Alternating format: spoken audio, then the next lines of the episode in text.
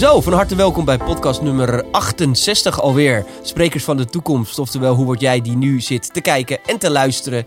De betaald spreker van de toekomst. En ja, vandaag iemand in de studio. En ik vind het echt super, super, super tof dat je er bent vandaag, uh, Jozef Oebelkas.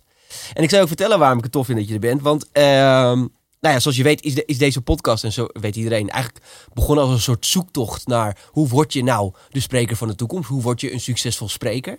En uh, iedereen die deze podcast vaak luistert, die weet dat ik jou vaak als voorbeeld aanhaal. Cool. Uh, en waarom?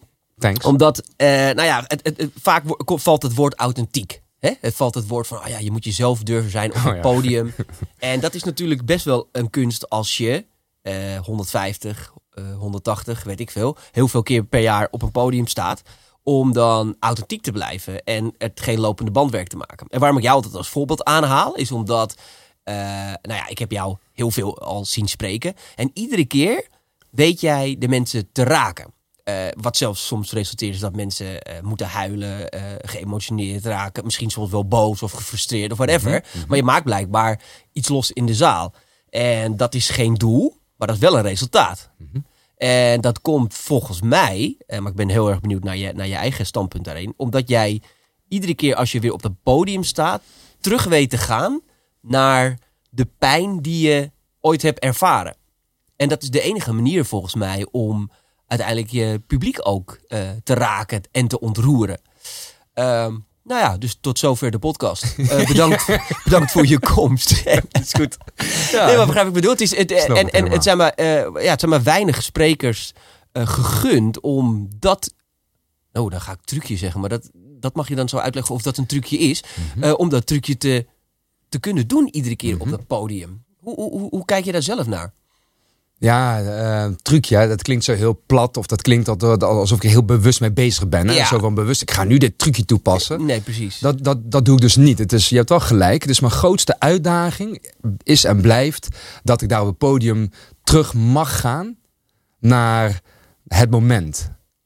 En dat blijft de uitdaging. Het, nu klinkt het heel zwaar, alsof ik iedere ochtend in de spiegel mezelf aankijk. Dit is de uitdaging. Uh, we gaan het weer doen. Helemaal niet, want dat heb ik al lang door in die zin van uh, het, het, het is onderdeel van mijn leven geworden. Ja. En ik uh, heb geleerd afgelopen jaren dat ik uh, terug mag gaan naar die pijn. Ik ga terug mijn hart in, mm -hmm. maar ik bepaal dat ik dat deurtje open. Ik beleef helemaal die pijn weer. Waardoor sommige mensen ook denken van... goh, je blijft wel echt in hangen. Hè? Zijn, dan, dan snap je mijn verhaal niet. Maar goed, als dat jouw conclusie is, dan mag dat. Ik hoop alleen niet dat jij er nu last van hebt. Ja, maar yeah. maar um, als je echt mij gewoon goed observeert... ik stap ook weer die pijn uit... en ik doe dat deurtje weer dicht. En het is weer klaar. En het is weer klaar en dan ben je ja. het nu. En er wordt ook heel veel gelachen tijdens mijn optreden, zo gezegd. Want, want ik sta met heel veel humor en heel veel blijdschap... en heel veel geluk in het leven. En dat en dat ervaren mensen ook. En die rollercoaster van emoties, van diepe, ja, diep verdriet, wat ik heb meegemaakt, tot en met het intense geluk met een hele grote lach. Ja, dat is uh, wat mensen zo uh, triggert. Ja. Nou, even in een nutshell voor de mensen die echt geen idee hebben wie uh, Jozef Oebekas is. Uh, uh, even in een nutshell, want ik weet dat, wil het vandaag wel over je verhaal ja, hebben, ja, maar niet het. uitvoerig. Want ik vind het ook wel leuk om van jou vakinhoudelijk veel te leren, omdat jij echt van spreken bent waar veel mensen veel van kunnen leren. Um, maar even in een nutshell, wat, wat is dan die pijn geweest waar je dan iedere keer naar terug moet graven? De grootste pijn is geweest die tien jaar celstraf. Um, dat ik... Um als 23-jarig manneke, want zo, zo zie ik het nu wel. Uh, je hebt het allemaal voor elkaar. Je hebt niet heel veel tegenslag meegemaakt in leven. Je hebt je eigen IT-bedrijf, goed, goed gestudeerd. Uh, dat.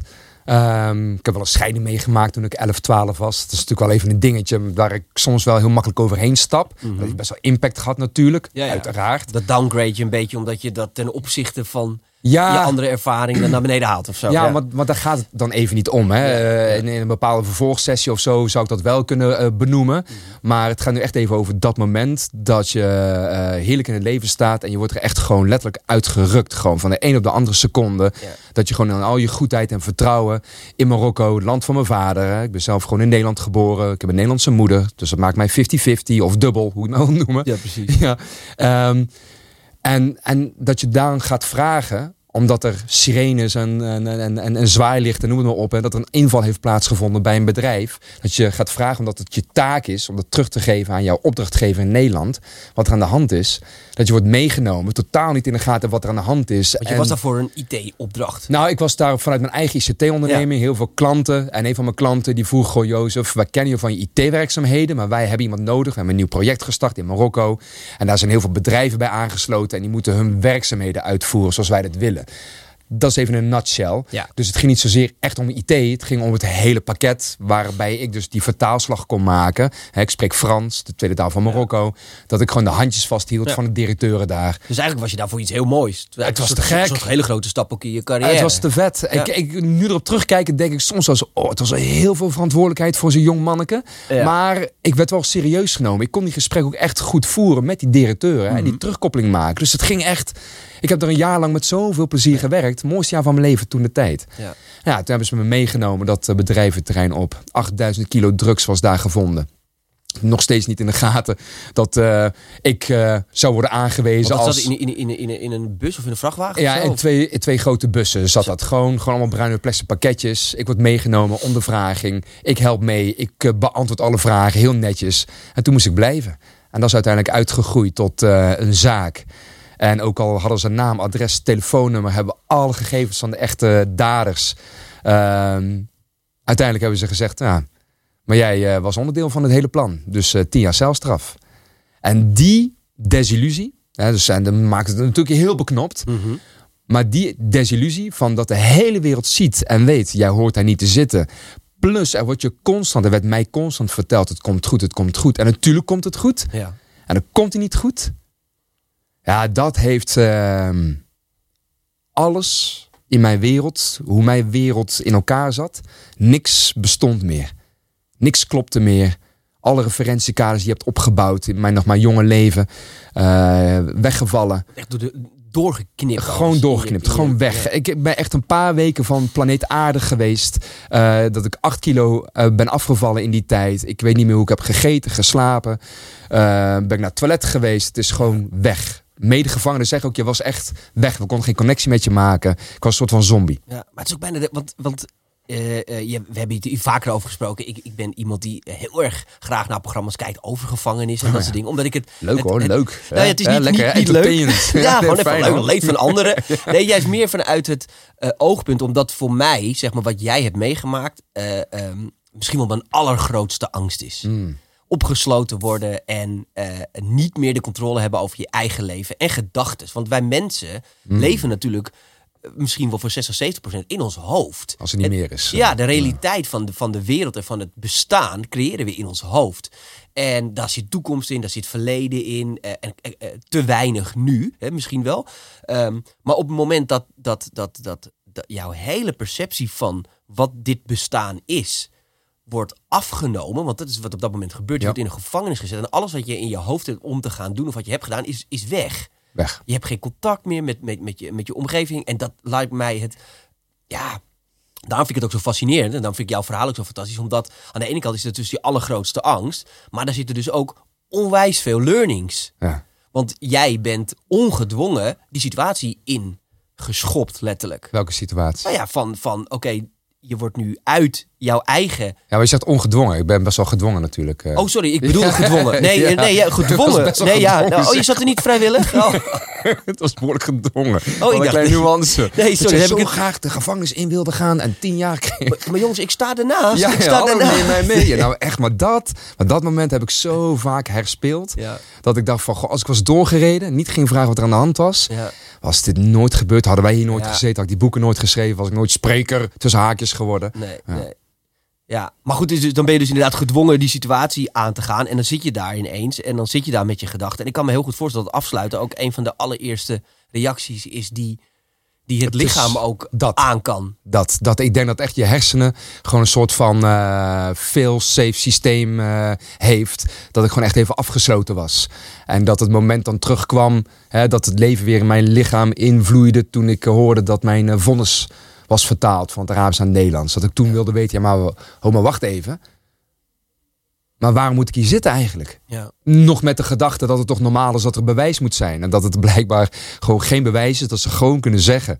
Joh, wij zien naar jou. Je hebt het gewoon gedaan. Je hebt de rode trui aan. We zien het. Maar wij zeggen, jouw trui is groen. En daarom ben jij schuldig. Ja, dat kan er gewoon niet in bij ons. Dat kan toch helemaal niet? Ja, blijkbaar wel. Ja, dat onrecht is denk ik nog Ja, de allergrootste. Ja. frustratie. Die, hoe, ben je, hoe ben je daar op een gegeven moment mee leren omgaan? Want op een gegeven moment weet je, ik sta machteloos, ik sta tegen die muur. Ik kan er nog zo tegenaan blijven trappen, maar ik kom er niet doorheen.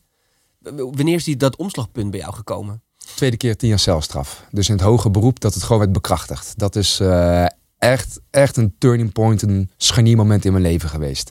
Ja. Dat het zo bespottelijk was, dat de hele wereld, hè, Nederland, iedereen had zich ermee bemoeid. De Nederlandse overheid, ministerie van Buitenlandse Zaken, een eigen vertrouwensadvocaat ingezet. Want natuurlijk, hè, mijn ouders die bellen naar Buitenlandse Zaken op en hebben natuurlijk dat zielige verhaal van ja, ons kind, Ja, ja. onterecht in de, in de gevangenis, in het buitenland. Ja, Joh, die Marokko, drugs. ja, ja, weet die, krijgen, die krijgen tientallen telefoontjes van wanhopige ouders. Ze gaan echt niet zomaar met jou mee. Ze zeggen van, oh mevrouw, wat erg dat uw zoon dat waarschijnlijk niet heeft gedaan. We gaan u echt geloven. Ja, Echt niet.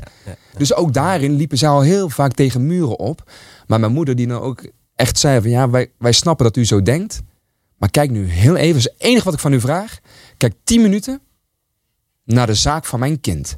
Kijk naar zijn achtergrond en kijk naar het vonnis. Wat wij hier hebben liggen, waar geen donder van klopt, is het enige wat we vragen.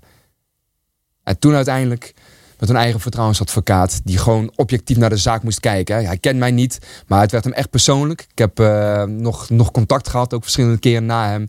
Ehm, die Dat is, van die, dat is van die hele belangrijke stap in het Ah, hele dat proces geweest. Hè? Enorm. Want nu, hè, want hij zei ook van, goh, haal die jongen zo snel mogelijk weg en ga achter de echte daders aan. Waar gaat het over? Ja. En dat gaf zoveel kracht dat we ook wisten van ja, dit hoge beroep waarin alle fouten werden toegegeven door de rechters. Hè?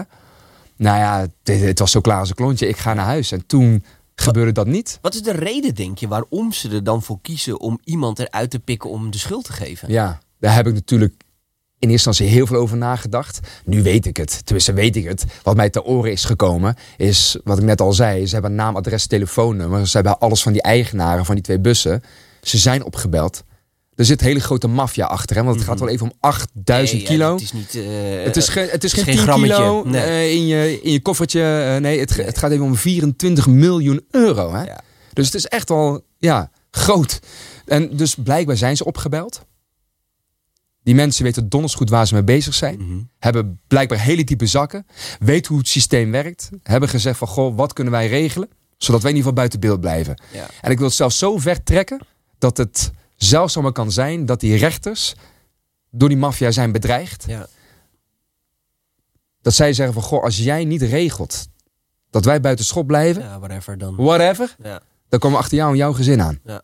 Hey, dan kan ik zelfs als die rechters snappen ook, hè? Hoe gek dat maar allemaal mag klinken, maar nee, snap ik het. ja, nee, 100%. En het was een ja. geolied verhaal, Robert. Het was echt op het 8 uur journaal van Marokko. Het was tijdens die ondervraging, die eerste avond. En het verhaal was naar de buitenwereld. En er is ook een Nederlander opgepakt. Verantwoordelijk voor transport tussen Europa en Afrika. hey, ik geloof in het verhaal. Ik vraag aan die politiemensen. hey, en wie is die Nederlander dan? Ja. en ze keken me allemaal aan. En ik zei, maar wacht even, maar dat klopt helemaal niet. En de buitenwereld slikt het zo in verzoete koek, hè? Media. Ja, goed. Ja, nou, als je als rechter eenmaal dat traject in bent gegaan, kan je ook niet de volgende dag zeggen: Oh nee, ja, toch niet. Dat is het. Dat is het. Laat hem maar Dat vrij. Ja, bizar. Het was een verloren zaak al vanaf het moment. Ik was echt een mooie kers op de taart. Ik heb mezelf daar gepresenteerd op een zilver dienblad. En eh, ik wist het nog niet, maar eh, nu weet ik het wel. Hoe vaak ga je dan op zo'n moment eh, terug naar dat moment dat je daar staat en dat je dan denkt: Oh, ik had echt een andere keuze moeten maken op dat moment. Zo, er bestaat volgens mij geen, geen getal voor. Vooral die eerste weken, maanden Ja. in onzekerheid. En ja, heel, heel vaak Bizar. was ik maar gewoon doorgelopen. Maar ja, al zou ik nu de tijd kunnen terugdraaien. Ik zou weer gaan vragen wat er aan de hand was. Want Ja. wat, wat, het was mijn verantwoordelijkheid. Immers, ik was het oog van het bedrijf. Ik wilde letterlijk rapporteren aan mijn opdrachtgever. Er is iets aan de hand bij een van die bedrijven die werkzaamheden voor jullie uitvoeren. Dus ik ga checken wat er aan de hand is. Dat. Ehm, die, dan, dan zit je dus op een gegeven moment in een gevangenis. Jij zei al, het moment dat ik die omslagpunt kreeg was... We gaan het gewoon nog hebben over spreker. Hè? Over, Ja, over zeker. Maar we hebben alle spreken tijd. We hebben alle tijd. Nee, ja, wel- ja, maar ik wil heel even een klein Ja, beetje ja, context. Want anders, er zijn natuurlijk vast ook wel mensen die nu luisteren en denken... God, ik ken het verhaal niet precies. Ja, dan moet je, dan moet je gaan opzoeken, googlen. Er staat gaan we naar die lezing toe van die man? Jongens, kom op. nee, was sorry, sorry. sorry. Nee, want eh, dat, dat, dat, en, en daarna gaan we me overpakken, want eh, ja, je bent ook spreker. Dat weet helemaal niemand, maar je bent tussen haakjes, Tussen tussen altijd spreker tussen haakjes. Nee, maar eh, weet je, je zei, toen heb ik twee keer tien jaar eh, gekregen. Toen kwam voor mij het omslagpunt. Ja. Toen ben je gaan proberen er iets positiefs van te maken van die situatie. Ja. Hoe? Hoe dan? Ja. is altijd de vraag. Want hoe. even, eh, even nog voor de beeldvorming. Dat vind ik altijd heel belangrijk om te vertellen. Het- Je zat ook niet in een gevangenis in Nederland waar je een tv had. En, Nee, nee, nee. eh, hoe heet dat? Lekker kon douchen, gezellig. Je zat echt in, in erbarmelijke omstandigheden. Dat is de enige reden waarom ik een PowerPoint-presentatie heb. Want ik weet Oh, heel, ja. veel, heel veel sprekers zijn natuurlijk wars van PowerPoint-presentaties. En Ja. ik snap dat, er gaan nog geen grafieken en getallen en te kleine lettertjes. Terwijl ik sommige, ja, sommige grafieken zijn gewoon belangrijk om te laten zien. Zodat Ja. het beeld ook duidelijk is. Maar het maakt niet per definitie beter op. Nee. Ik gebruik echt die PowerPoint om eh, die eh, foto's te laten zien. Die rondcirculeren gewoon op internet. Hè, want Google, ook dat maar. Hè, gevangenis Marokko. Klik op afbeeldingen en je ziet het Ja. dat het de situatie die ik omschrijf, van hoe we daar met 30, 40, soms meer dan 100 man op elkaar gepropt zitten in een donker, vies, stinkend hol. Ja, ik kan het wel uitleggen, maar als je het dan ziet op een plaatje, op een foto, dan zie je, hoor je ook altijd in de zaal altijd dat. Oh. Van, oh, dit, dit, Ja. is, dit had ik niet verwacht. En dat ik dan soms wel eens denk van, oh, had je dit echt niet verwacht? Oh nee, wacht, ik had dit ook niet verwacht toen ik hier Ja. net werd ingesmeten. Ja. Dus dat draagt en stond Ja, ontzettend het ook bij. altijd zo contra is. Kijk, jij, eh, zoals nu ook, je ziet er altijd netjes uit. Eh, Dankjewel. Ja, Dankjewel. dat ik lief, ik eh, En hoe heet dat? en, maar dan sta je op het podium en dan denk ik, je, kan- je kan het je gewoon niet voorstellen dat dat je is overkomen. Omdat. Ja, ja. het zo'n ontzettende contra is op wat je, wa- wat je ziet. Ehm, dus ik denk dat het inderdaad heel sterk is. De- ik, ik ben namelijk helemaal niet zo wars van PowerPoint-presentatie Nee, overigens. ik. Ah, ik vind als, het, als het je presentatie Versterkt. aanvult of Precies. versterkt, in jouw geval, heb je gewoon die beelden even Ja. nodig om te snappen van, holy shit, wat, wa- waar heeft deze gozer ingezeten? En, en, en dan ook bij jezelf, oh, maar dat zou ik nooit aankunnen. hoor je ook Hè, vaak, want dat ja. is natuurlijk wel de eerste, dit, dit zou ik, en dat heb ik, dat heb ik gevoel ook. Ehm, en daarom nog heel even die, laatste brug dan over het verhaal. Hoe heb je dan uiteindelijk wel ervoor gezorgd dat je dus een positieve mindset kreeg? Om maar eventjes het jeukwoord mindset te Ja, gebruiken. ja. hoor authentiek, Authentiek mindset. mindset. Ja, het is één grote open deuren show dit ja, hoor. erg. Maar, Maar, uiteindelijk komt het er toch maar- op wel, neer. wel, wel op neer. Dus geef een naam, eh, geef beest maar een naam. Ehm, ehm, eh, heel kort. Het zijn hele kleine, concrete doelen. Daarmee heb ik het leren overleven. Dus het grote doel van het overleven en tien jaar celstraf. eh, ja, ik wil zeggen loslaten. Maar ja, hoe laat je zoiets los? Want het is constant aanwezig. Ja. Maar juist mijn, echt mijn brein dwingen om te kijken wat kan nu wel binnen deze muren. In plaats van dat jouw brein alleen maar zegt: ja, maar hey, jij gaat hier niet overleven. Wij gaan hier aan kapot. Wij zijn slachtoffer. Vooral geen energie verspillen, want hier kun jij niks aan doen. Dat. Eh, en dan echt concreet maken. Dus mijn eerste, eh, een van mijn eerste doelen, ik zeg altijd in mijn presentaties, mijn eerste concrete doel was mijn tanden poetsen. Maar eigenlijk lieg ik een klein beetje, want eh, het eerste concrete doel was een dagboek bijhouden. Eh, dus mijn moeder schreef me dat ook. Ehm, hou een dagboek bij. Ga beschrijven wat je voelt. Ga helemaal naar binnen toe, wars van wat er in je omgeving is. Maar beschrijf wat je voelt en ga dan inderdaad die verbinding aan met die buitenwereld. Maar kijk ook naar dat hippende musje op dat binnenplein door de tralies. Die daar gewoon hipt. Beschrijf dat en hoe het zomaar weer, weer, weer weg kan vliegen. Ja. Eh, het, het- dat. En dan tezamen ook met het tandenpoetsen. Eh tuurlijk was het al heel snel ook dat doel. Ehm, want als ik niet mijn eigen tanden kan verzorgen, hoe wil ik daar dan het harde leven overleven? Precies. Dus die kleine doelen echt heel concreet formuleren om uiteindelijk dus tot jezelf te komen. En dan ruimte te creëren voor acceptatie. En dat klinkt zo vreemd, hè, want dat gebeurde wel. Eh, mijn ratio zei onherroepelijk. Ja, maar dit kun je niet accepteren. Dit is onacceptabel. Ja. Wat ook logisch is, want Ja. hoe kun je dit accepteren? Mensen verwarren dat wel eens met opgeven. Hè? Mhm. En dat is dus niet het verhaal. Nee. Accepteren betekent je realiseren, dit is wat het is. En wat nu? En dat ik dan ook echt ehm, mijn gevoel ook hoorde van dat ik dus die acceptatie had. Dat er een stukje rust kwam. Ja, weet je, met dat tandenpoetsen heel bewust op dat smerige toilet. Dat ik dan en dat dat ook ruimte Een creëert. klein geluksmomentje. Ja, dus heel. Ja, ja, dat zeg je heel mooi. Klein. Dus, dus, dus, dus ook echt heel klein maken. Hè? Dus ook gewoon in deze wereld waarin we allemaal leven. Waarin we worden overspoeld door ellende. Van Japan tot en met Oekraïne tot en met alle delen van de wereld. Is het juist nog meer de kunst om jouw wereld nog veel kleiner te maken. Ja, want eigenlijk be- be- beschrijf je bijna wat elke spirituele leider Mm, zou omschrijven. Wat, je in, wat we allemaal in ons leven zouden moeten doen. precies. Want uiteindelijk Grappig is dat. zitten, we, zitten we allemaal op een ronddraaiende planeet. Waar we allemaal geen idee van hebben. In onze waar eigen we nou kleine onder- gevangenisje. Ja, waar we nou Ja. onderweg zijn. En ook, dat is ook een acceptatie. Hè? En daarom zijn we heel vaak bezig met toekomst en verleden in ons hoofd. Mhm. In de gevangenis kan ik me voorstellen dat je, dat, dat ook iets is. Hè? De- die- Het onrecht en waarom overkomt mij dit. En Mhm. ik zie mijn mensen nooit meer. De buitenwereld. Ehm, en dan zit dus het geluk in het nu. Hè? In, in het nu, in de, in de kleine momenten van, van het leven. Nou ja, uiteindelijk is dat volgens mij de boodschap van elke spirituele leider. Als je, als je het gaat uitkleden. Ja, en daarbij wil ik wel, wel eraan toevoegen. Dat, eh, want, het, want ook dat klinkt natuurlijk weer zo plat. Hè, van eh, zoek het geluk in de kleine momentjes. Ja, Ja. Hey, ehm, ik, ik vind ook echt zo belangrijk dat je ook het verdriet... Ik ben het verdriet echt gewoon aangegaan. Ik ben dwars door het verdriet heen gegaan. Eh, dus ik heb mezelf aangekeken. Ik zat vast in een donker hol met tralies en prikkeldraad. Dus ik ehm, heb ook geleerd om dat verdriet toe te laten. Ja. En dat is iets, dus mensen denken alleen maar, oh ja, ik moet die ge- kleine geluksmomentjes opzoeken. Mhm. En daarbij mag mijn verdriet dus niet bestaan. En dat heb ik ook geleerd. Nee, mijn verdriet staat naast mijn geluk.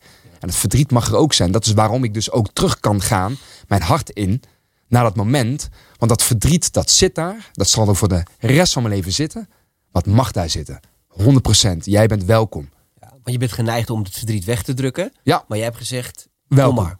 Welkom, 100%. Ja. Waar, waar resulteerde dat in, in de praktijk? Zat je dan, zat je dan dagenlang te huilen? Of, of, of, of, Toen, toen me dat net overkwam. ja, toen je dacht van ik laat het gewoon, ik laat het gewoon. Maar ik, heb, ik, heb, ik heb dagenlang gehuild. Ja. Ik heb echt in een hoekje van de cel gezeten. Alleen maar gehuild en gehuild en gehuild. Dwars door het verdriet heen. Ja. En, dat, en dat stuk, dat vergeten mensen nog wel eens. Nog, nogmaals, in een uur je presentatie doen. Ja, dan kun je onmogelijk Ja. Door, door het hele proces heen gaan. Want dan heb ik makkelijk zes uur nodig. Nou ja, ik nodig ook iedereen uit na deze podcast. Ga je boek lezen. Ik, ik, ik heb hem meerdere keren gelezen. Ik vond het fascinerend eh, om te lezen.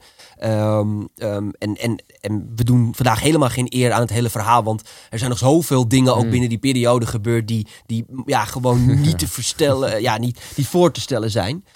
Ehm, maar, maar ja, wat jij zegt is natuurlijk wel eh, uiteindelijk de essentie. Ehm, ehm, waar het om draait ook in het leven. Ik denk dat daarom Mhm. ook jouw verhaal zo mooi is voor iedereen. Omdat we uiteindelijk inderdaad allemaal wel in een soort van gevangenis zitten natuurlijk. En dat toelaten van dat verdriet. eh merkt hij dan ook op een gegeven moment na een tijdje, een paar dagen gehuild te hebben, dat het op een gegeven moment voorbij was? Mhm. Of dat het, kreeg het dan een andere vorm of een ander gevoel? Of, Ja, ik zeg wel eens, eh, kijk, je, je, je kunt onmogelijk voor de rest van je leven dagenlang blijven huilen. Ja. Dus op een gegeven moment komt dat moment. Ja. En dat is ook het proces, dat wil ik ook vaak uitleggen. Het is altijd een proces, het hele leven is een proces. En mensen die zeggen van, goh, en toen ging de knop om. Ja, bij mij ging er niet echt een knop om. Ja, het klopt wel dat ik het heb over dat scharniermoment, over die tweede keer tien jaar celstraf. Maar het betekent dan niet dat die knop om was en dat vanaf dat moment easy peasy en nou ja, het is wat het is, maakt niet uit, we maken het beste van. Nee, nee. En toen begon het proces eigenlijk pas.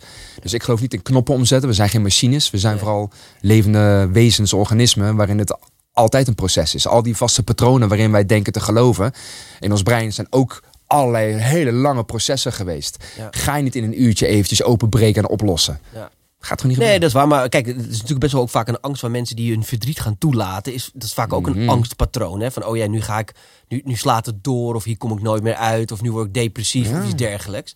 Maar juist die ontlading, zeg je, is heel erg belangrijk in het proces. Ja, ik wil, ik wil ook niet gaan invullen voor een ander. Hè. Ik, bedoel, Nee. ik, ik, ik refereer ook vaak aan mensen die eh, de holocaust hebben overleefd. Dat zijn een enorme inspiratiebronnen ook voor mij. Van, van eh, natuurlijk hè, heel recent Edith, eh, Edith Eva Eger. Maar tot met Victor Frankl en mijn grote held Martin Gray. Allemaal dat concentratiekamp-leven overleefd. Onbegrijpelijk nat- natuurlijk. Maar dat ook, ook zij zeggen dat het... ehm, niet iedereen gegeven is of zo. Het is niet zo dat je, ja nee, jij moet je verdriet toelaten. Je moet erover praten, want dat gaat je helpen. Nee, er waren heel veel mensen die wilden niet meer over die holocaust praten. Nee. En dat snap ik. Ja. Tenminste, niet wat zij hebben meegemaakt, maar ik snap wel mensen die hetzelfde hebben meegemaakt als wat ik heb meegemaakt. Ik heb zelfs vrienden nog altijd vandaag de dag in Nederland, die met mij daar zaten, die praten nooit met iemand over. Want ja, dat, dat willen ze niet. Nee, dus je hebt ook mensen gezien binnen de gevangenis waar het juist voor werkt om het weg te stoppen. Ik, ik hoop dat het voor ze werkt. Ik weet Ja. het niet zeker. Maar eh, ja, maar dat is hun proces. Nou, en nogmaals, eh, voor iedereen die echt je verhaal 100% wil weten, eh, lees je boeken, kom naar je lezingen en eh, check je website voor nog veel meer details en dit. boekingsinformatie. Dit was zo niet afgesproken. dit hoef je niet te doen. Dat is wel lief hoor. Is wel lief. Nee, maar heet dat? Joost, oké, en dan kom je de gevangenis uit. We even, even kort door de bocht. Ja, En toen dacht jij, nou, dit ga ik eens even lekker uitmelken, deze, ja zeker, zeker. deze Tuurlijk, gevangenisperiode. hey. Absoluut. Jaren, jaren weg geweest. Ik ga eens eventjes... Hier gaan we Heel- geld mee verdienen. Helemaal niet. Helemaal niet. Maar hoe is uiteindelijk het, het, het sprekersvak op, jou, op jouw pad gekomen? Ja. Eh, mijn, mijn, mijn, mijn enige echte doel was bij thuiskomst, dat was al in de gevangenis ontstaan. Ik moet dat boek schrijven. Ja. Die 400 brieven van mijn moeder waren te mooi om te laten liggen. En in de gevangenis was zelfs de eerste werktitel. Want ik heb nog echt gewoon wat ik heb opge, opgekrabbeld. Er staat echt 500 brieven van mijn moeder. Oké. Dat was, want ja, ik wist natuurlijk niet wanneer ik vrij zou komen. Dus ja, dus ja eh, ik hoop 500 of zo. Dus het viel nog honderd brieven mee, zeg maar. Ja, ja, ja, ja. Dus dat. Ehm, dus uiteindelijk is het gelukkig maar 400 geworden. Ja. En ehm, ja, ik zou tegen mijn moeder en mama, ben je het ermee eens dat ik jouw brieven die zo persoonlijk, zo Ja. eh, emotioneel geladen ook, zo intens zijn. Vind het oké dat ik ze eigenlijk gewoon te grabbel gooi? Want dat doe je. Je gooit eigenlijk gewoon die brieven gewoon op straat. En iedereen mag over oordelen en mee doen wat ze willen. Ja, ja. En dat is wel een stap waar ik echt heel, heel hard over heb nagedacht. Wil ik dat?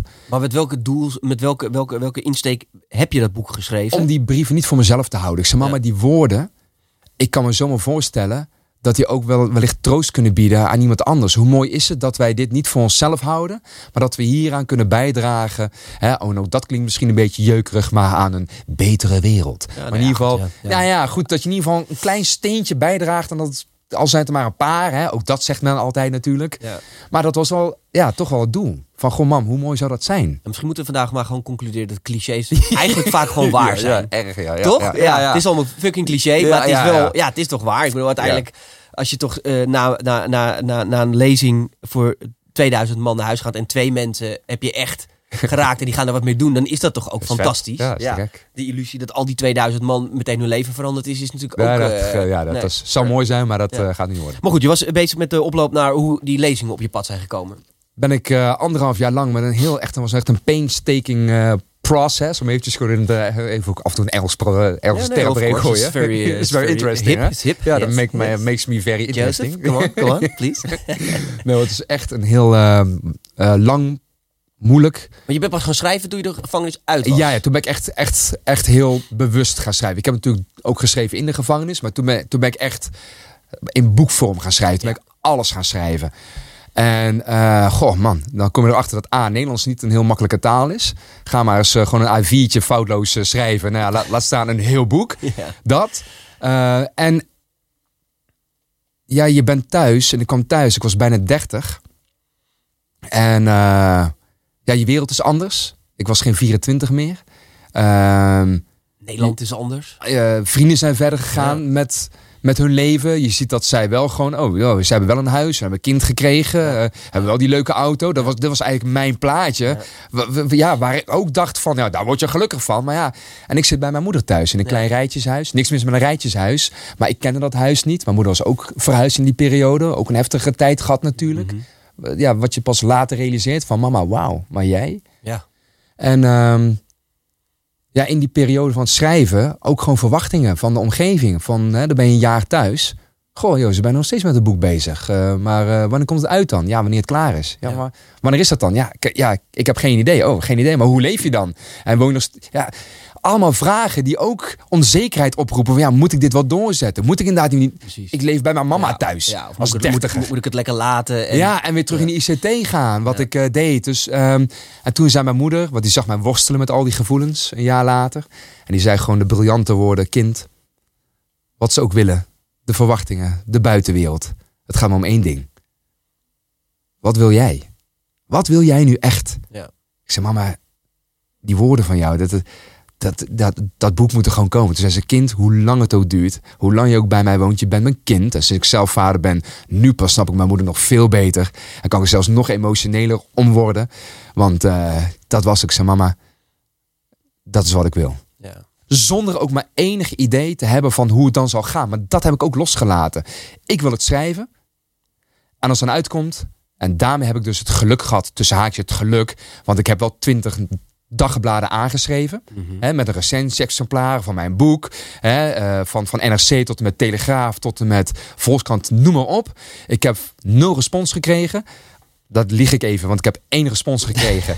ik heb één lullig NRC-artikeltje waarin ik werd eh, besproken met een andere gevangen die het wel had gedaan. eh, Oh, ja, ja, ja. Had gedaan. Dus, oh, leuk. ja, dus het Ja, ja, dus moesten wel heel- even- dat- er zijn ook eh, die het wel hebben gedaan, hoor. ja, ja, ja, Oh, ja, precies. Ze zijn niet allemaal zo hoor.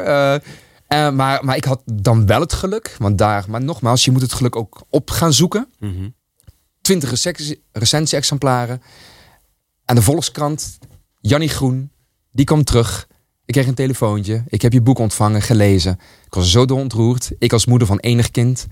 Ehm, ik heb er een pagina groot artikel over geschreven in de Volkskrant.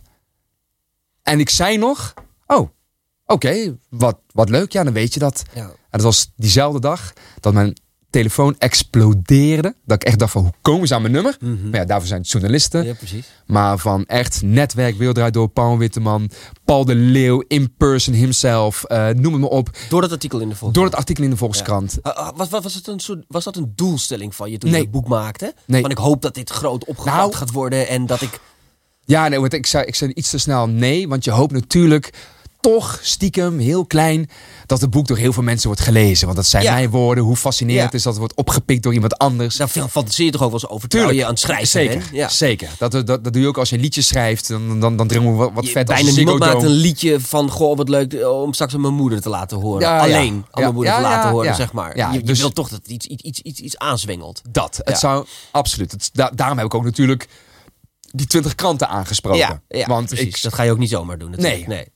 Dus eh, dat, maar alleen ik wist niet dat daar het, eh, het spreken zo aan eh, verbonden was. Mhm. Ik kreeg, omdat het zo als een bom insloeg, dat artikel, want nu weet ik hoe al de redacties werken, van. NOS tot en met Wereld Door en nou, Paul Witman destijds. Ja. Ik kwam op al die redacties en je ziet overal dagbladen. En wat al die redacteuren doen, daar zijn die dagbladen gewoon supersnel scannen. Ja. Gewoon tak, tak, tak, wat is interessant? Wie, wil- wie Ja. kan als gast hebben? Ja, en blijkbaar heeft dat pagina groot artikel zo'n aandacht getrokken, dat dat eh, ja, gewoon iets heeft getriggerd. Ja. Maar toen ineens moest je ook je verhaal gaan doen. Ja. Want dan zit je, zit je ineens bij Paul Witteman of Ja. zit je bij een praatprogramma. En dan moet Ja. je ineens je verhaal gaan doen. Hoe was dat de eerste keer? Eh, eh, ja, niet, dat was niet het beste interview, laat ik het zo zeggen. Gewoon, gewoon puur omdat ik er gewoon helemaal niet op was voorbereid. Nee. Geen mediatraining. Nee. En de tijd is zo voorbij. En je weet ook niet wat ze gevraagd natuurlijk. Want iedereen Precies. stelt andere soort vragen Nou ja, natuurlijk. Men zegt op de redactie, dit zijn de vragen. Maar Oh. er komen totaal andere vragen. Dus je denkt voorbereid te zijn. Maar uiteindelijk hebben zij totaal de touwtjes in handen. En heb ik me echt laten leiden ook door hun. Totdat ik dacht van, oh ja, maar nu wil ik wel mijn verhaal doen. En nu gaan we door naar de volgende gast.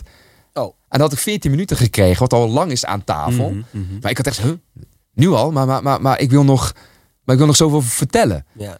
Dus, en ondanks dat het niet mijn beste interview was, heb ik echt de dag daarna, want we hadden toen wel iets van 1,2 miljoen kijkers naar gekeken, explodeerde mijn mailbox echt niet normaal. Ik kreeg ineens allemaal aanvragen. En dat begon gewoon van bibliotheken, Oh ja. van scholen, van eh, eh, weet ik veel, eh, stichtingen. En Om je verhaal te komen doen. Zou je verhaal willen komen delen bij ons? En ik dacht nog van ja, weet je wel, lees het boek en dan, ja, ja dan weet je het ook. Weet je het ook? Ja, ja. Nee, nee, we willen graag dat jij Ja, ik wist ook helemaal niet dat die, dat die sprekerswereld ik was bestond, helemaal zeg maar. Nee, nee, ik was echt alleen maar bezig met dat boek. En, en, en sprekerswereld, oh, daarom zeg ik altijd, tussen haakjes spreker. Ja. Ik krijg bijna wekelijks wel een vraag van iemand, en daar spreek jij ook over. Ik wil spreker worden. Ja. Die mailtjes krijg jij constant. Ja, ik wil zeker. spreker worden. En jouw vraag is ook onherroepelijk. Maar waarom wil je spreker worden? Precies. Dat is de eerste, ja. Ja.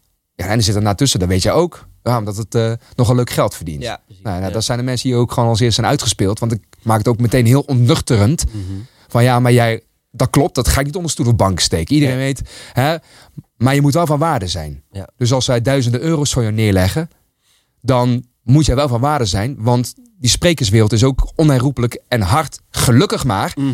Want als jij binnenkomt en men zegt van nou, eh, we hebben flink betaald voor je. Als jij dat niet levert, je bent ook zo uitgerangeerd hè. Ja. Want dan gaat het vuurtje ook heel snel rond. Ja, ja, we hebben die en die gehad. Nou, nou eh, aardig aan de prijs en het viel echt tegen. Ja. Dus Ja. dat is even waar, waarmee, waarmee ik ze meteen uit het veld sla. Weet je nog de eerste keer dat je op een podium stond? Ja. En? Dat was bij. eh toen was mijn boek nog niet eens uit. Oké. En eh, ik zou je vertellen, dat was voor de nonnen, de zusters Franciscanessen Oké. in Breda. Zo zo. Was, was namelijk één non, zuster Servatia. Ja. Mogen haar eh, ziel rusten in vrede. Want eh, zij heeft mij heel veel brieven gestuurd. Heeft noveenkaarsen opgestoken. En dat is echt geen ding. Dat is niet zomaar iets kleins. Hè. Dat betekent dat dus echt nonnen verplicht dus moeten bidden waarvoor die noveenkaarsen is opgestoken. Of, eh, of aangestoken. Zij- Jij in dit geval. Ja, en dat was echt heel mooi. Maar En- voor je vrijlating of voor... ja, voor vrijlaten, voor steun, voor kracht. Hè? Dus eh, nou, en dat vond ik heel mooi. Fantastisch, ja. Dat is fantastisch. Ja. En zij vroeg, zou je misschien jouw verhaal willen delen voor onze nonnen? En toen was het boek nog niet... En dat is mijn eerste, als ik erop terugkijk. Hè, uiteraard niet betaald. Dan kan je zeggen, dat is, dat is goed. Dat eh, kost je zoveel duizend euro. Mhm. Ja. Nee, nee. ik wist niet eens wat ik, wat ik moest maken. Dus ik had een. PowerPoint in elkaar geflanst.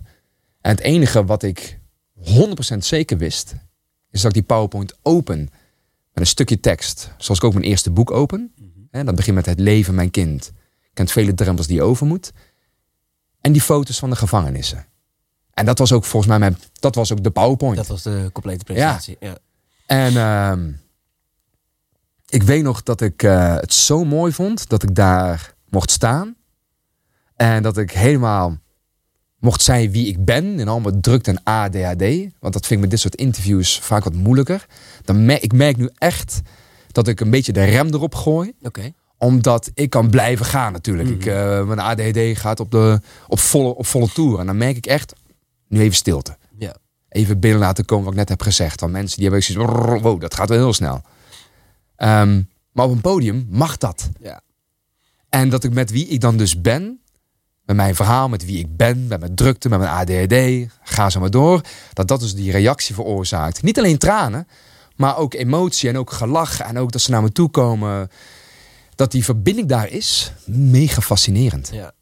Maar je bent eigenlijk bijna, zoals, eh, zoals jij je ADHD benadert, was bijna ook zoals je je gevangeniswees benadert. Hè? Mhm. Van, joh, ik, ik heb dat en ik moet ermee leren dealen. En ik, moet er, eh, ik heb er bijna een soort trucs voor verzonnen om af en toe even weer terug Ja. te gaan en me niet te laten overheersen door... Ja, dat is bewustwording. Ik Ja. het geen trucs, dat is echt bewustwording. Dat is echt een stuk zelfreflectie. Constant ook. Ook dat is een constant proces. En dat is niet vermoeiend zozeer. Het is gewoon interessant. Dus dat ik ook moet weten wanneer ik in mijn mond moet houden. Dat ik ook een keer de ruimte moet geven aan iemand anders. Ook in een zaal. Ja. Ik ratelde altijd dat uur of dat half uur of whatever. Raad, helemaal vol. Want ik had zoveel te vertellen. En dat voel ik nu ook. Oh, ik heb zoveel te vertellen, Robert. Mhm. En dit is interessant en dat is interessant. Maar ah, ik hoef niet alles te vertellen.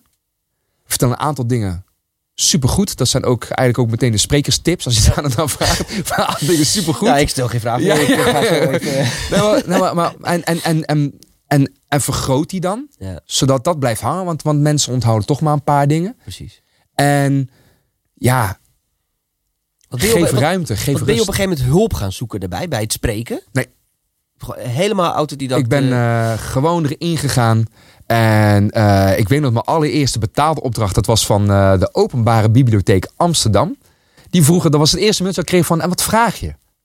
oh.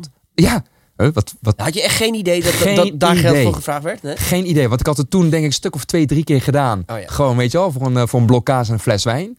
Eh, dat doe ik overigens ook niet meer. Oh nee? Dus- nee, want ik, ja, acte, ik, ja. ik kwam erachter eh, dat ik niet alleen op een blok eh, kaas en een fles wijn kan leven. Maar ja, ik, ik vond het alleen maar een eer. En zo zie ik het nog steeds. Maar dat ik gewoon werd uitgenodigd. Ik Ja. mag gewoon mijn verhaal delen. Hoe mooi is dat? Ja. Maar dan kom je op een gegeven moment in dat sprekerscircuit en dan merk je, nou de eerste keer heb je misschien een paar honderd euro gevraagd en op een gegeven moment merk je nou, dat, dat, dat, dat je er ook een paar duizend euro voor kan vragen. Nou, ik kwam er uit- uiteindelijk achter dat ik via via mensen die al in het sprekerscircuit zaten, die tegen me zeiden van, goh, je moet naar dat en dat sprekersbureau gaan. Oh ja. Dan ben ik, eh, toen was ik uitgenodigd door één sprekersbureau. Het was op zich een prima kennismaking, maar ik werd dan een beetje uitgelachen en ook een beetje de deur uitgewezen. Zo van, ja, Jij werd uitgelachen, nou ja, weet je, ja, en nu, ik, ik wil geen kwaad praten, maar, maar alleen, wel namen noemen. Of Nee, nee, we gaan geen name shamen. Het was de quality bookings. eh, waarom? nee, nee eh, jullie waren het hiervan niet. Maar dat, is, maar, maar dat is niet erg. Weet je wat het was? En dat is wel echt mijn proces geweest. En dat mag je gerust weten. Iedereen mag het weten. Ik Mhm. vroeg 250 euro aan. Ja. Maar ik voelde mij fijn bij die 250 euro. Ja. Ik zei letterlijk tegen die sprekers, of tegen dat sprekersbureau was dat toen. Ja, hallo, dat is ook niks. Weet je, je kan als je bij ons exclusief inschrijft, dan, eh, dan, eh, dan, krijg, je, dan krijg je zo een paar duizend euro per, per opdracht. Dus Ja, oh, wow, dat is wel, wow, dat is wel heel veel geld. Dat is wel heel veel. Ja, Ja. dus ik zei dat letterlijk. Ja. maar ja, dat is de sprekerswereld. Ja, maar ja, ja, maar dat hoeft van mij eigenlijk helemaal niet. Nee. Ik, ik, ik, ik, eh, ik voel me, en daarom werd ik een beetje lachend de deur uitgewezen. Want ik vond die 250 euro prima. Ja. Ik voel me daar snang bij. Fijn. Daardoor was die druk ook niet zo hoog van, oh ja, oh, dat is zoveel geld, dan moet ik wel presteren. Nee, ik had zoiets 250 Ja. euro. En het is ook voor de buitenwereld natuurlijk een hele gekke wereld, hè, die spreeksmarkt. Dat, je, Ja, dat, dat. dat er dat soort bedragen in omgaan, dat weet natuurlijk bijna niemand. En, oh, en, en ik eh, moest dan, ik heb wel een contract voor eh, geschreven, eh, voorgeschoven.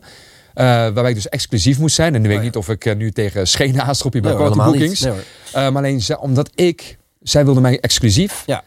En toen zei ik, had ik de wedervraag. Oké, maar als ik dan een aanvraag krijg vanuit mijn eigen netwerk. Iemand, die, hè, iemand kent mij. Moet ik die dan doorsturen? Ja, en Ja. Dat, was een harde ja. En zei ik, oké. maar kan ik dan ook de garantie krijgen dat jullie mij twee, drie, vier opdrachten per maand geven? En dat was dan een keiharde nee. Van ja, want Ja. wij weten niet. eh, ja, maar dat is toch niet fair? Dan ga ik me weer. Nou ja, kijk, eh, eh, omdat er... Oh, ga je nou verdedigen? Ga je nu, Zeker. dit ga je verdedigen. Zeker. Nee, nee, nee, nee, nee, nee, nee, want ik ben het volledig met je eens. Ik, ik raad nooit iemand aan om exclusief bij een bureau te gaan. Behalve als het bureau iets kan doen wat jij niet kan. Mhm. Ja, maar wel behoefte aan hebt. Ja, precies. En eh, dat is niet inderdaad van st- st- stuur alles naar me door en we profiteren over ja. Nee, eh, eh, jij vindt het dus blijkbaar lastig om je sales of je verkoop of je Voilà. Mhm. markt, whatever te doen. Laat ons dat dan doen. Ja. Weet je, dan heb je een, heb je een fair Precies, positie. Maar precies. In, in, in het geval van jou en, en nog 300 andere sprekers die dat niet nodig hebben. Meld je, ja, je kan wel samenwerken met bureaus, doe jij ook. Maar dan is exclusiviteit, heeft geen toegevoegde waarde. Want dat is alleen maar een, een, een soort makkelijk spelletje van de bureaus geworden om over jouw rug veel geld te verdienen. En, en, en dat, dat vind ik ook nog niet eens erg. Nou, ik wel, vind ik heel erg. Nou, weet je wat is? Ik vind, nou, ik je, vind, niet, je moet het niet meer toestaan. je moet het niet meer toestaan. weet je wat is? Als allebei de partijen daar belang bij hebben, dan is het toch prima. Ja. Dus, dus dat is niet erg. Alleen ik vond dat op dat moment niet fair. Toen heb ik gezegd van ja, weet je wel, dat, dat gaan we niet doen. En dat was een beetje van ja, goed, dan is daar de deur. Ja. En dan gaan we lekker wedden met je 250 euro. Krijg je ook wel eens een commentaar van, van, van mensen van... eh, ach, nou, eh, je, je, zal het je zal het wel gedaan hebben. Of je probeert over de rug van, van wat je hebt meegemaakt nu geld te verdienen. Wel of, eens? Vraag je nou serieus? Nou, wel ik, ik eens? wilde eigenlijk... Och, ja, zo Echt, vaak. Ja? maar weet je wat is? Nou, maar, hoe dat? maar dan hoor ik het niet, hè? Want mensen gaan het niet in mijn gezicht zeggen. Dat vind ik een beetje Dan hoor je jammer. het via via of zo. Ja, weet je, dan hoor ik dat via via of het is een anonieme reactie ergens op internet.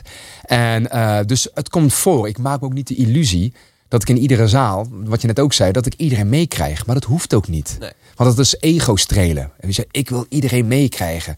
Ik maak zelfs heel af en toe mee dat mensen als opstaan En weggaan. en weggaan. Dat is echt heel, dat, dat, dat gebeurt zo af en toe. Heb je en, iemand wel eens aangesproken dan? ja, ja, dat heb ik gedaan, want mijn ego speelde mij parten. Snap ik. Want ik dacht, Hallo, ik sta hier fucking kwetsbaar. ja, Ja. En zij, eh, of hij, eh, voelt ze dan groep om gewoon op te staan. En eh, dus, de, dus mijn ego zo, oh, die persoon vindt mijn verhaal niet fijn of niet leuk. En ik heb dan eens een keertje, ja, ja, ja, ik ben zo iemand. Ik ga dat vragen al- als die gelegenheid daar is. En toen zei iemand een keer tegen mij, het was te veel. Het kwam te veel binnen bij me. Ja. En toen had ik zoiets, oh, maar dat is eigenlijk wel heel mooi. Dat je jezelf dan toestaat om te vluchten. Want Ja, dat gebeurt er eigenlijk. Hè? Ja. Het is, was, was, was ook maar zeggen, bevriezen, vechten, vluchten, dat. Ja. En toen had ik echt zoiets van, oh wacht, het gaat helemaal niet om mij joh.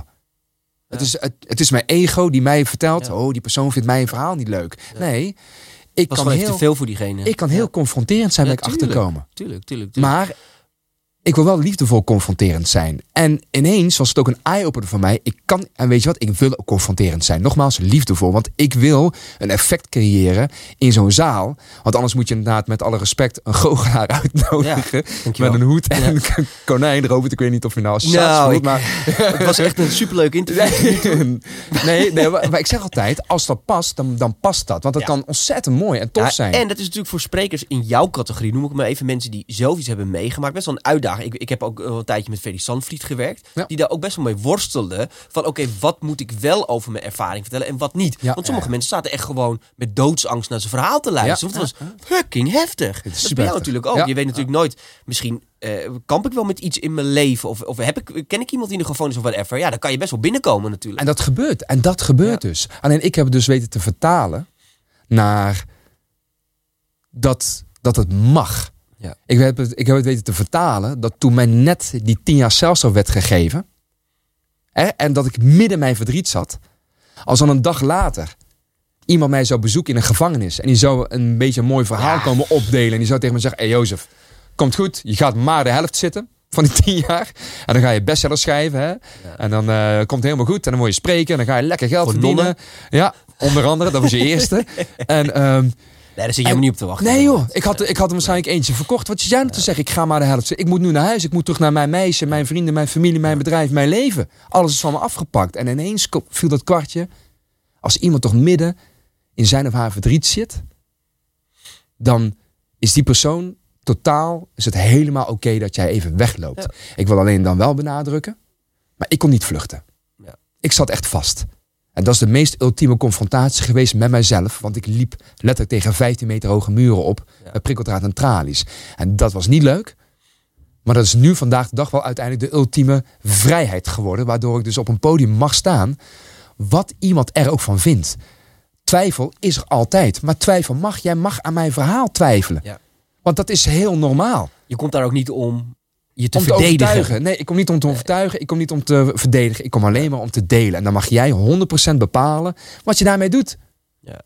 Heel even terug naar het begin, want we, we hebben het even gehad over, hè, wat ik als eh, tegen je zei, dat ik jou vaak een voorbeeld aanhaal voor iemand die eh, op het podium steeds terug gaat naar de pijn en mensen Mhm. weten raken terwijl je eigenlijk een lopende bandspreker bent geworden. Noem ik hem even. Een, nou ja, een broodspreker bent geworden. Oh, dat klinkt want hoe, hoeveel keer per jaar sta je op een podium? je toch? Nou ja, eh, wel boven de 150 keer in ieder Ja. geval. Soms wel eens, eh, misschien wel tegen de 200 keer per jaar. Dat is heel veel. Ja. Dat, dat, dat is, het is heel knap om dan iedere keer... Hoe doe je dat? Eh, wat voor tricks zou je... Of nee, nee ja, ik wil het woord trucs niet gebruiken. wat zou je voor advies kunnen geven aan andere sprekers... om, om dat ook in hun eigen verhaal te zoeken, zeg maar. Die, dat weer teruggaan naar waar, waar je eigenlijk voor op het podium staat. Ja, ehm, sowieso doe ik ook niet meer dan dat. Want ik ben erachter gekomen dat eh, ik kom wel sprekers tegen die inderdaad eh, boven de 250, 300. En het eerste wat ik denk van ja, dat zou ik denk ik ook wel kunnen. Ja, ja. Maar ik doe het gewoon echt niet. Want dan wordt het wel echt lopende Je hebt ook geen bedrijven ernaast nog of zo. Nee, nee, nee. Ik doe dit, Dit is fulltime. gewoon Ja. jouw vak. Ja, Ja, dus echt gewoon fulltime. Dat is ook wel eens een tip wat ik wil geven. Als je echt, echt goed wil worden in iets, doe dan één, maximaal twee dingen. Wat het dan ook is. Ga niet dit er een beetje bij en dat een beetje bij. Want dan En wordt het allemaal... een IT-bedrijf de zijkant opzetten. Het kan, hè? Het Ja, kan, hè? ja, Want, ja, wat ik ken, eh, ik ken, ik ken zat mensen die gewoon een eigen bedrijf hebben, ook nog eens fantastische sprekers zijn. En die doen dan, dan, dan eh, een stuk of 30, 40 per jaar. Hey, dat Ja. is hartstikke cool. Ja. Ehm, dus het kan. Alleen ik doe dat niet. Ehm, omdat A, ik het gewoon ontzettend leuk vind. Ik ga er ook niet meer nemen. Want net als in gesprekken en in mijn leven rustmomenten pakken. Er is niks zo belangrijk als knal op een podium. Maar dan ook echt rust pakken. Ja. Want ik kan echt, wat dat betreft, ik krijg, ja, ja dat is niet om mezelf op de borst te kloppen, maar ik krijg, weken, ik krijg behoorlijk wat aanvragen binnen. Ja. O- ook via jullie. En dat is dan nog naast andere sprekersbureaus. Mhm. eh, plus nog mijn eigen netwerk. Dat blijft maar doorgaan. Ja. Maar dan hoef ik jou niet uit te leggen hoe dat werkt. Ehm, dus ik heb echt een Dus je zou in feite je agenda nog fuller, kun- voller Absoluut. kunnen maken dan wat je nu 100%. doet. Ja. 100%. En ik heb ook echt moeten leren om gewoon nee te zeggen. Ik heb echt moeten leren. Want dan denk je toch in je achterhoofd. Oh, weet je wel, gaaf om te doen. Je verdient toch leuk. Eh, ja, en, en ja, je wilt dat toch doen. Dus ik heb echt moeten leren ook. En dat was echt in 2017, 2018. Gewoon nee te doen. Ja. Nee te zeggen. Gewoon ook in het nu te zijn. En helemaal nu ik een gezinnetje heb. Oh, is het nog veel makkelijker geworden. Want ik, nee, ik doe het gewoon niet. Dan en dan kan. Ja. En dan komt het nog wel eens voor dat ze dan ook het hele event verschuiven. En dan, nou, dan voel ik me helemaal vereerd. Ja, ja maar, maar ik, ik schrijf het ook wel eens gewoon andere sprekers naar voren, weet je. Ja. Want ik ga nou echt niet zeggen dat ik summum ben. Je moet mij hebben, want dan maak ik impact. Nee, er zijn zoveel mooie sprekers. Maar neem ons nou eens even mee naar dat moment. Want dat wil ik echt Ja, vandaag eruit hebben. Omdat, nee, maar dit maakt jou echt uniek. Hoe ik dat doe. Eh, wat doe jij voordat je zo'n podium opgaat om in die weer om 200 keer per jaar weer in die sfeer te komen, zonder dat het je je eigen gezondheid kost? Die, dat rustmoment is wel heel belangrijk. Dus dat wil ik wel even meegeven. Sorry Ja. dat ik daar weer op terugkom. nee, nee, nee. Ik bedoel, als dat onderdeel is van het proces, is Dat is het heel absoluut onderdeel van het proces. Dus je rust pak. Want je piekt, pak je rust. Maar oftewel, je hebt een lezing gegeven, je gaat naar huis, je zit op je boerderij met je vrouw en je kids en je gaat daar lekker tot rust komen. Precies. Voordat je weer... In het nu zijn, voordat ik inderdaad weer... En dan ben ik echt bezig met mijn kleine. Ik vind de rust in het meegaan in zijn wereldje. Ehm, uiteindelijk, ehm, wat heel belangrijk is, is dat ik die verbinding met mezelf blijf aangaan. Vind ik dit echt nog leuk om te doen? Mhm. Want als ik, als ik het niet meer leuk vind, als ik het niet meer voel, als ik geen pas meer, dan gaan mensen het feilloos op het podium voelen. 100%. Hon- precies, Ja. dat hoef je niet te vertellen. Ja. Dus ik, ik ben echt heel bewust van mezelf, met, met mijn zelfreflectie, wil ik nu helemaal naar Emmen, terwijl ik in Zuid-Limburg woon. Ja. En Emmen ligt best wel ver van Zuid-Limburg. Dus hè? een stukje rijden. Ja, ja, precies. En nu rijd ik best wel veel. Maar soms zijn het wel echt zo, oeh, dat is echt gewoon 300 kilometer heen. het is ook 300 kilometer, terug. Ja. Wil ik dat doen? En dan nog even een podcastje naast met Robert. Ja. Ehm, en dan is het antwoord echt volmondig ja. Daar heb ik er echt. Ik heb er gewoon echt zin in. Want ik krijg ook wel eens die vraag van mijn vrouw. Die zegt van, oh goh, je hebt, want je hebt drukke periodes. Hè, altijd Ja. oktober, november, december. Altijd mega druk. Je hebt altijd die maanden die extra druk Precies. zijn. Ja. En dan zegt mijn vrouw, goh, je hebt er echt gewoon eh, acht, negen staan komende week. Ja, want dan vlam ik ook even. Heer, daar, daar vaar ik ook op. Dat mag dan ook af en toe. Heb je er ook echt zin in om weer acht, negen keer weer je verhaal te, weer die emotie. ja want En dan- het is in jouw geval wel ook vaak hetzelfde verhaal, toch? Het is hetzelfde verhaal. Daarom dat vrienden nog steeds iets hebben van... Doe het nou nog steeds? Huh? Het is hetzelfde verhaal, Ja. maar het is nooit hetzelfde event. Het is nooit hetzelfde publiek. Het is Nee. nooit dezelfde energie. Het is nooit dezelfde reactie. Althans, het zijn wel altijd de reacties van hè, de verbinding. tuurlijk. Ja, ja, ja. En dat maakt het gewoon iedere keer weer mooi. Dus de verbinding met mezelf. Wil ik dit? Dat is het allerbelangrijkste. Maar uiteindelijk, een, el- eh, een cabaretier staat ook elke avond dezelfde programma te Ja, doen. maar een zanger staat ook elke avond Ja, maar hetzelfde dat liedje vind ik dus anders. Want dat vind ik nog knapper. Want zij draaien echt hun script af. Ja. Ik heb geen script. Ik heb nooit een script geschreven. ja, dat is natuurlijk niet helemaal waar. Ja, natuurlijk, eh, weet het, een cabaretier schrijft zijn teksten wel uit. Maar ook een cabaretier gaat natuurlijk in zijn programma zoeken naar, waar jij zo meteen antwoord op gegeven, van waarom, hoe, hoe maak ik dit nou mijn eigen? Want als jij als cabaretier gewoon maar een lulverhaal staat op te hangen wat geen enkele connectie met jezelf hebt, hou je het ook niet vol. Hmm. Dus daar zit ook wel een, en, en, en als een liedje jezelf niet raakt, dan, dan, dan is dat natuurlijk ook niet, dan, ja, dan sta je een beetje een coverband te Ja. spelen natuurlijk. Nou, ik, ik, ik vergelijk het wel met ehm, eh, eh, bijvoorbeeld eh, Eddie Vedder. Die vind ik een geweldige artiest. En eh, die heeft natuurlijk eh, Alive natuurlijk al een miljoen keer. Daar word ik helemaal kotsbeu, kotsziek van. Ja. Al, al sinds 1991. en toch op het podium staat hij weer te vlammen. En ik weet zeker dat hij voordat hij aan zo'n tournee begint, dat hij echt wel eens af en toe zou kunnen denken: Poh, dat is wel echt heel veel. Uh, moet ik weer iedere keer. want iedereen verwacht toch. Want als een nieuwe nummer. nummers op een Ja, ja, album, niemand ziet mee. nee. Maar dat doe ik alive, dan gaat iedereen plat. Maar dan door die energie uit zo'n zaal. Gaat hij weer helemaal vol tot Ja. vlammen. Want dat is die energie die je voelt. En dat, En dan blijf ik je toch even pesten, want ik weet dat ik, ik, ik zie altijd iets gebeuren bij jou voordat je het podium opgaat. En ik, ik weet niet of je jezelf er bewust van bent of dat je het kan benoemen, maar ik ben zo nieuwsgierig naar wat jij op dat moment doet voordat je het podium opstapt. En weet je, het lijkt bijna alsof je een soort tijdreis maakt Klopt. of zo. Ja. Vertel daar eens over, want Ja. dat, dat is eh, eh, zo'n waardevolle tool als spreker om dat te kunnen. Ik voel de ultieme. eh, en dat klinkt ook zo, dat is ook weer zo'n woord dankbaarheid. Oh, dankbaarheid. Oh, je, moet, je moet maar dankbaar zijn. Nee, maar, maar dat is ook wat ik soms wel eens bij andere sprekers mis. Dat stukje dankbaarheid, weet je wel. Ze nodigen mij uit vanwege mijn naam.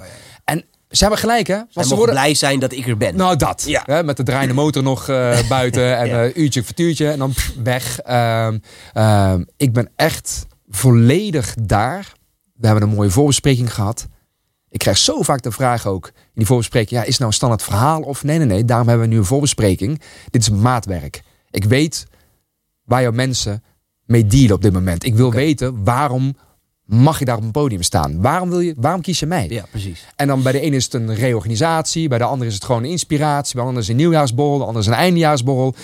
En dat zijn allemaal net wat andere insteken, waardoor ik dat ook voel. Ja, ja, dan ga je ook met een andere energie erin. Totaal andere energie erin. Ja, ja. Want waar, waar het gewoon lollig en leuk is, nou dan kan ik meteen lollig en leuk doen. Precies. Waar het best wel ernstig is, waarbij banen op het, eh, op het spel staan, dan ga ik even in die ernst mee. Want jij mag verdrietig zijn over jouw onzekerheid. Jij mag, dus ik ga niet meteen oordelen. Meteen jouw emotie wegzetten. En kijk mij, want weet je wat ik heb meegemaakt? Dat was een lockdown. Ja, precies. Ja, ja. Ja, dat even Ja. moeten gooien. Eh, ja, dus nee, jouw lockdown mag jouw lockdown zijn. Ja. Ik ga er niet meteen overheen walsen, want dat is jouw proces. Nee. Dus ik ga heel erg, ik ben me heel bewust van de omgeving waar ik zit. Ik voel de energie, ik ben ook vaak ruim van tevoren aanwezig, zodat ik ook die energie voel. Ik zie de mensen binnenkomen, ik heb alles al gecheckt, licht staat goed, geluid is goed. Ehm, ik weet wie de techneuten zijn, vind ik super mooi. Ik heb je ooit een keertje voorbij zien komen in een clipje. Klopt. Dat, ehm, Dat je de rest van de mensen niet moet vergeten. Ja. ik ken alle mensen bij naam. Want als er iets is met techniek, die mensen zijn het belangrijkste voor mij. Dan zeg ik, hey Pieter, of dan zeg ik, hey Ali, of dan zeg ik, hey, eh, wie dan ook.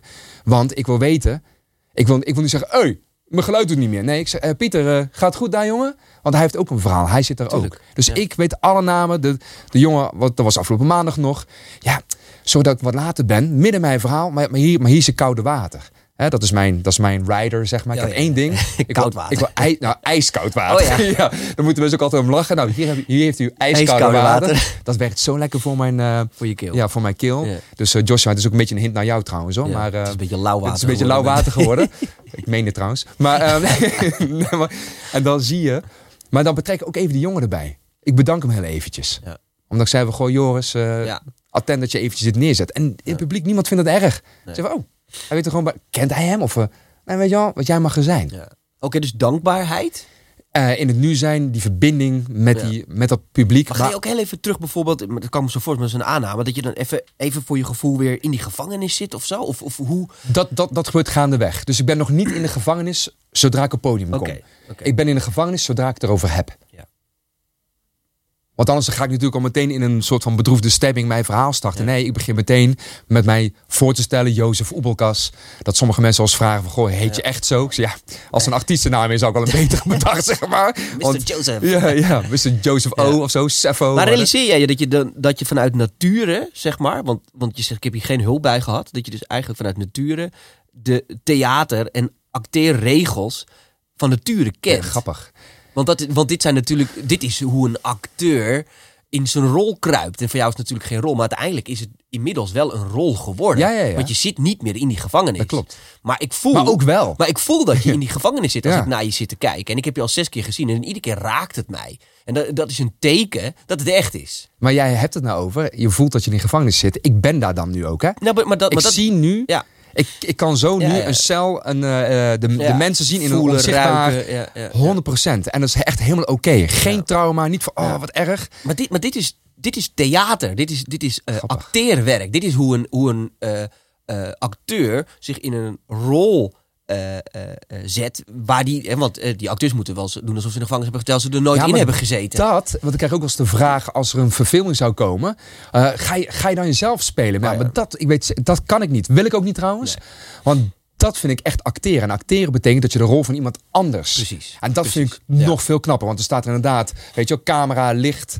En dan wordt er gewoon gezegd actie. En dan moet je ineens terstond emotie oproepen. Ik doe dat op mijn manier, dat klopt. Ja. En toch vind ik dat van zo'n acteur veel knapper. Want die moet daar ook tekst bij onthouden. Ik hoef geen tekst te onthouden. Het is mijn Ja. verhaal. En het is ook wie ik was en wie ik ben daar. Ja. Dus voor mij is dat geen opgave. Voor mij is dat gewoon a way of living. En dat is, vind ik een heel groot verschil met echt Ja. acteren. Er is ook wel een Ja. groot verschil ik, snap, Alleen- ik snap, ik snap Ja. ook de overeenkomst. Maar ik zie namelijk ook heel veel sprekers die ook een soortgelijk verhaal als jou hebben, zeg maar. Een persoonlijk verhaal. Ja. Ja, het is bij Quantiboek een beetje na die twee coronajaren. Dat was niet, mak was niet makkelijk hoor, die lockdown voor ons. Joshua blijft ook gewoon keihard zitten, maar moet iets doen of zo. Want, eh, eh, maar goed, de hint is nog steeds niet aangekomen. Leeg, glas, het, het, George. eh, eh, het, ehm, eh, het, is, het is niet alle eh, sprekers eh, eh, gegund, zeg maar, om dat iedere keer te kunnen, zeg maar, bij een, bij een lezing. Om terug te gaan naar die, eh, ja, naar die daar, pijn. daar kan ik niet over eh, oordelen, want Nee. ik weet niet hoe dat is. Want ik denk dan, dan, dan mijn harde oordeel is, waarom doe je het dan? Ja. Dat is mijn harde oordeel. Van, ja, Mhm. weet je, doe het dan niet. Want als jij niet kunt, dan is het eigenlijk niet fair dat mensen veel geld voor je neerleggen, dat je op een podium komt staan. Ja. Maar dan doe je dat omdat het dan, weet ik veel, makkelijk te verdienen is of zo. Dat is even mijn harde oordeel dan, Ja, hè? even zo. Eh. Ik doe dat. En ik doe dat met passie, verven, plezier en emotie. Want, eh, want, want dat wil ik. Want ik wil dat. Ja. Ik ga weer terug. Ik bepaal. En zo sta ik 100% leidend met een korte ei in mijn leven. En dat is natuurlijk wel een, denk ik, een vergaand niveau van leven. Waarin heel veel mensen dus zich laten vastzetten door alle externe factoren. Of het nou, of nou op de weg is. Ze worden afgesneden. Of worden gedrukt door iemand anders. Of dat nou het systeem is. Dat ene nieuwsbericht. Die collega. De maatschappij. Rutte. Eh, Je kan die lijst. Oneindig lang benoemen. Waar je allerlei excuses aan kan ophangen. En dat doe ik gewoon niet meer. Nee. Ik zit echt in de auto. Ik mag vanuit Maastricht. Mag ik gewoon Robert weer zien. Vind ik super tof. Snap ik. Ja. Nou, ja, ja, maar, ja, maar, maar, maar alles zeg ik tegen jou nee. Ja, Weet je, ik heb er geen tijd voor. En niet dat ik het dan niet tof vind, maar dan Mhm. past het gewoon even niet of zo. precies, Want ook logisch. daarin moet ik ook gewoon keuzes maken. Maar, en, en dan ben jij ook nog zo flexibel dat ik kan combineren met inderdaad dan, dan, die opdracht in, eh, opdracht in Emmen.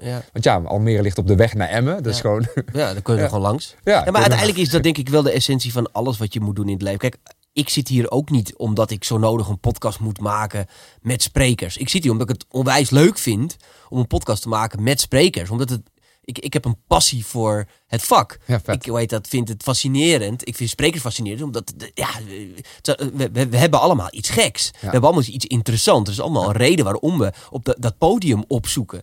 Ja, ik vind dat interessant. Ik vind dat leuk. Ik haal er heel veel passie uit. Ik zou op, op dit moment veel meer andere dingen kunnen doen waar ik misschien eh, wel eh, geld mee zou verdienen. Jij ook. Maar uiteindelijk zoek je naar dingen in je leven waar je echt passie voor hebt. Ja. En uiteindelijk merk je dan altijd dat dat wel geld gaat opleveren. Dat is met jouw lezingen ook uiteindelijk gebeurd. 100%. En eh, ik ben er heel langzaam in gegroeid ook. Dus ik ben niet meteen begonnen, wat ik net ook al zei, met, eh met, eh met 2, 3, 4.000 euro of zo. Nee, nee gewoon, gewoon heel, heel klein. En toen ben ik naar 750 gegaan. Toen was 1000 euro, was al een soort van wow, een magisch iets. En toen ging ik naar 1250, 1500. Mm. Oh, het was ineens 2000. Nou ja, goed. Ja, ja nu zit ik natuurlijk eh, hè, niet 15.000, normaal 15.000 eh, per, per minuut. Nee, dat helemaal niet.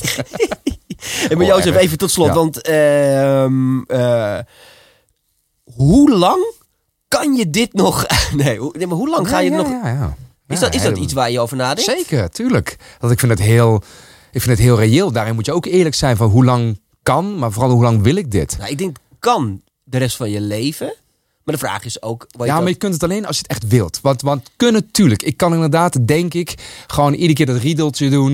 Ja, maar Nederland is een gek land. Ik bedoel, weet dat als je één keer een hit hebt gehad als zanger, kan je de rest van je leven snabbelen met dat nummer. Maar als je er ook plezier in vindt. Hey, wie, wie, ontneemt je dat plezier? Nee, maar ik, ik bedoel meer, zit er voor jou ergens een keer een punt dat je denkt, oké, ik moet... eh, eh, eh, eh, dat, dat het gevangenisverhaal moet op een gegeven moment gaan downgraden of zo. Of zeg je, nee, dit is wat ik in mijn leven heb meegemaakt, dit blijft mijn verhaal. Nou, dat zeg je wel mooi, dat downgraden. Eh, ik merk dat eh, hoe ik, eh, want het is inmiddels alweer 11 jaar geleden dat ik begon. Bijna 12 alweer volgens mij. God, wat gaat de tijd al snel. Ja.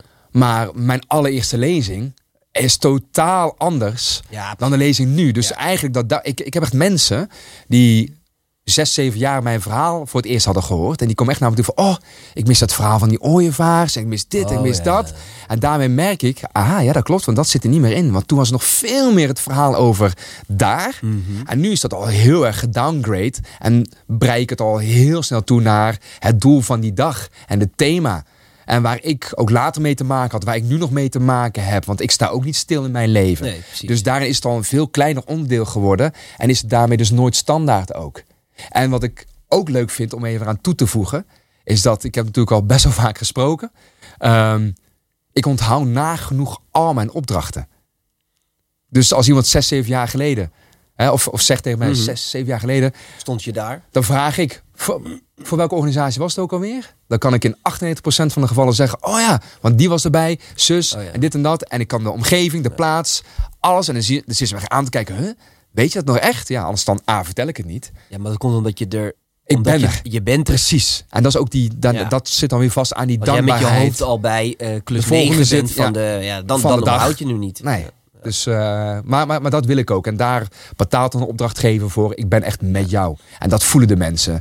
Jozef is onderdeel geworden van ons eventjes. Ja. Hij is, en, en als de mensen dat voelen, dan vergeten ze nooit meer. Hey, tot slot. Yes. ehm, want jij zegt, ik krijg, ik krijg heel veel mailtjes per dag. Ik krijg ook heel veel mailtjes per dag van mensen die spreker willen worden. Ja, jij nog meer denk ik. Wat, wat zou jij als, als, als laatste tip willen meegeven Oh, aan jee. mensen die nu zitten te luisteren en denken, ik wil ook, laat je opsluiten in de gevangenis. Tips en tops. Ja, nou ja, dat is ook. Nou ja, ik, ik, ik gun je de uitkomst. Ik gun je niet de ervaring. Oh ja, erg. Nee, maar uiteindelijk heeft Ehm. iedereen een, een, een verhaal, een, een gevangenis, een... een Iedereen, iedereen. Eh, ben ik overigens ook achtergekomen. hè. Dit is ook wat ik niet heb verzonnen. Wat uiteindelijk op mijn verhaal is geplakt. Mhm. Want in eerste instantie zagen mensen niet de link met mijn gevangenisleven. Dat, ja, dat snap je ook wel. Maar uiteindelijk ging het wel om... Oh, wacht even. Wij zitten met een bedrijf eh, in een transitie. Dus wat wij kenden, wat mijn leven voorheen was... dat gaat anders worden. Precies, ja. En hoe ga je daar nou mee om? En daar zit de link. Ja, Daar zit de link. En dat kun je dus, is blijkbaar heel universeel. Dat kun je op je persoonlijke leven, op alles kun je het dus betrekken. Vind ik super waardevol. Niet dat ik dat zelf zeg, dat is blijkbaar op mij geplakt. En daar ben ik super dankbaar voor ook. Nou, heb je het woord. Ehm, de, De tip. De tip is dat je vooral ehm, naast die rustmomenten, want dat is, blijft mijn grote uitdaging namelijk. Hè? Dus niet alleen maar pak wat je pakken kunt, maar pak die, eh, bouw die rustmomenten in. Vooral waarom jij, waarom sta je op dat podium? Dus echt gewoon die waarom-vraag heel hard voor jou formuleren, omdat je zelf gaaf bent. Wat mag, want daarom nodigen ze je uit. Maar waarom doe je dit echt? En voor mij is dat echt in eerste instantie omdat ik op een podium mezelf 100% mag zijn, plus ADHD. Daar waar ik in het dagelijkse leven, dat dat, dat ADHD, dat dat best wel beperkend kan zijn. Mm. Want ineens moet ik... Tegenwerkt misschien. Ja, ja want, want ineens moet ik er bewust mee bezig zijn. Oh ja, ik moet nu mijn mond houden. Oh ja, ik moet nu even de rust pakken. Terwijl op zo'n podium gaan alle remmen los. Ik mag kna- knallen, sterker nog, ik mag mijn mond open trekken. Op het podium is ADHD weer heel erg fijn hebben. super fijn. Ja, maar echt, dat is mijn grootste maat. Mijn grootste, Ja. terwijl in het normaal leven moet ik daar echt mee schipperen. Ehm, plus inderdaad gewoon het effect. Dus echt, ik zeg tegen allemaal opdrachtgevers, als jij niks kr- terugkrijgt, als jij geen reactie van je collega of van die eh, leerling of wie dan ook, dat er niemand naar je terugkomt van, goh, dit was echt mooi, dankjewel of wat dan ook.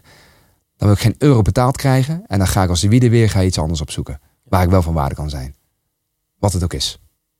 Ik wil je bedanken, Jozef. Ja, jij bedankt. Ik vond het erg leuk eh, dat je er was. Thanks. En eh, op eh, naar nog vele jaren dit verhaal mogen delen met mensen. Want ik, ik echt vind je eh, by far, en dat ben ik echt oprecht. eh, en dat, als je mijn podcast vaak luistert, dan weet je dat ook. eh, Ik heb je eh, een van mijn favo-sprekers van Nederland. onder andere benoemd bij die twee mannen ook. eh, ik benoem je altijd. ja, ja, dat vind ik echt heel lief. Maar only love. dat only vind ik love. echt... eh, thanks, Robert. Dankjewel man. Jullie allemaal bedankt eh, voor het kijken en luisteren naar deze podcast. Eh, hou vooral ook onze social media kanalen in de gaten voor nog veel meer eh, mooie, inspirerende en ja, interessante podcasten. Dankjewel.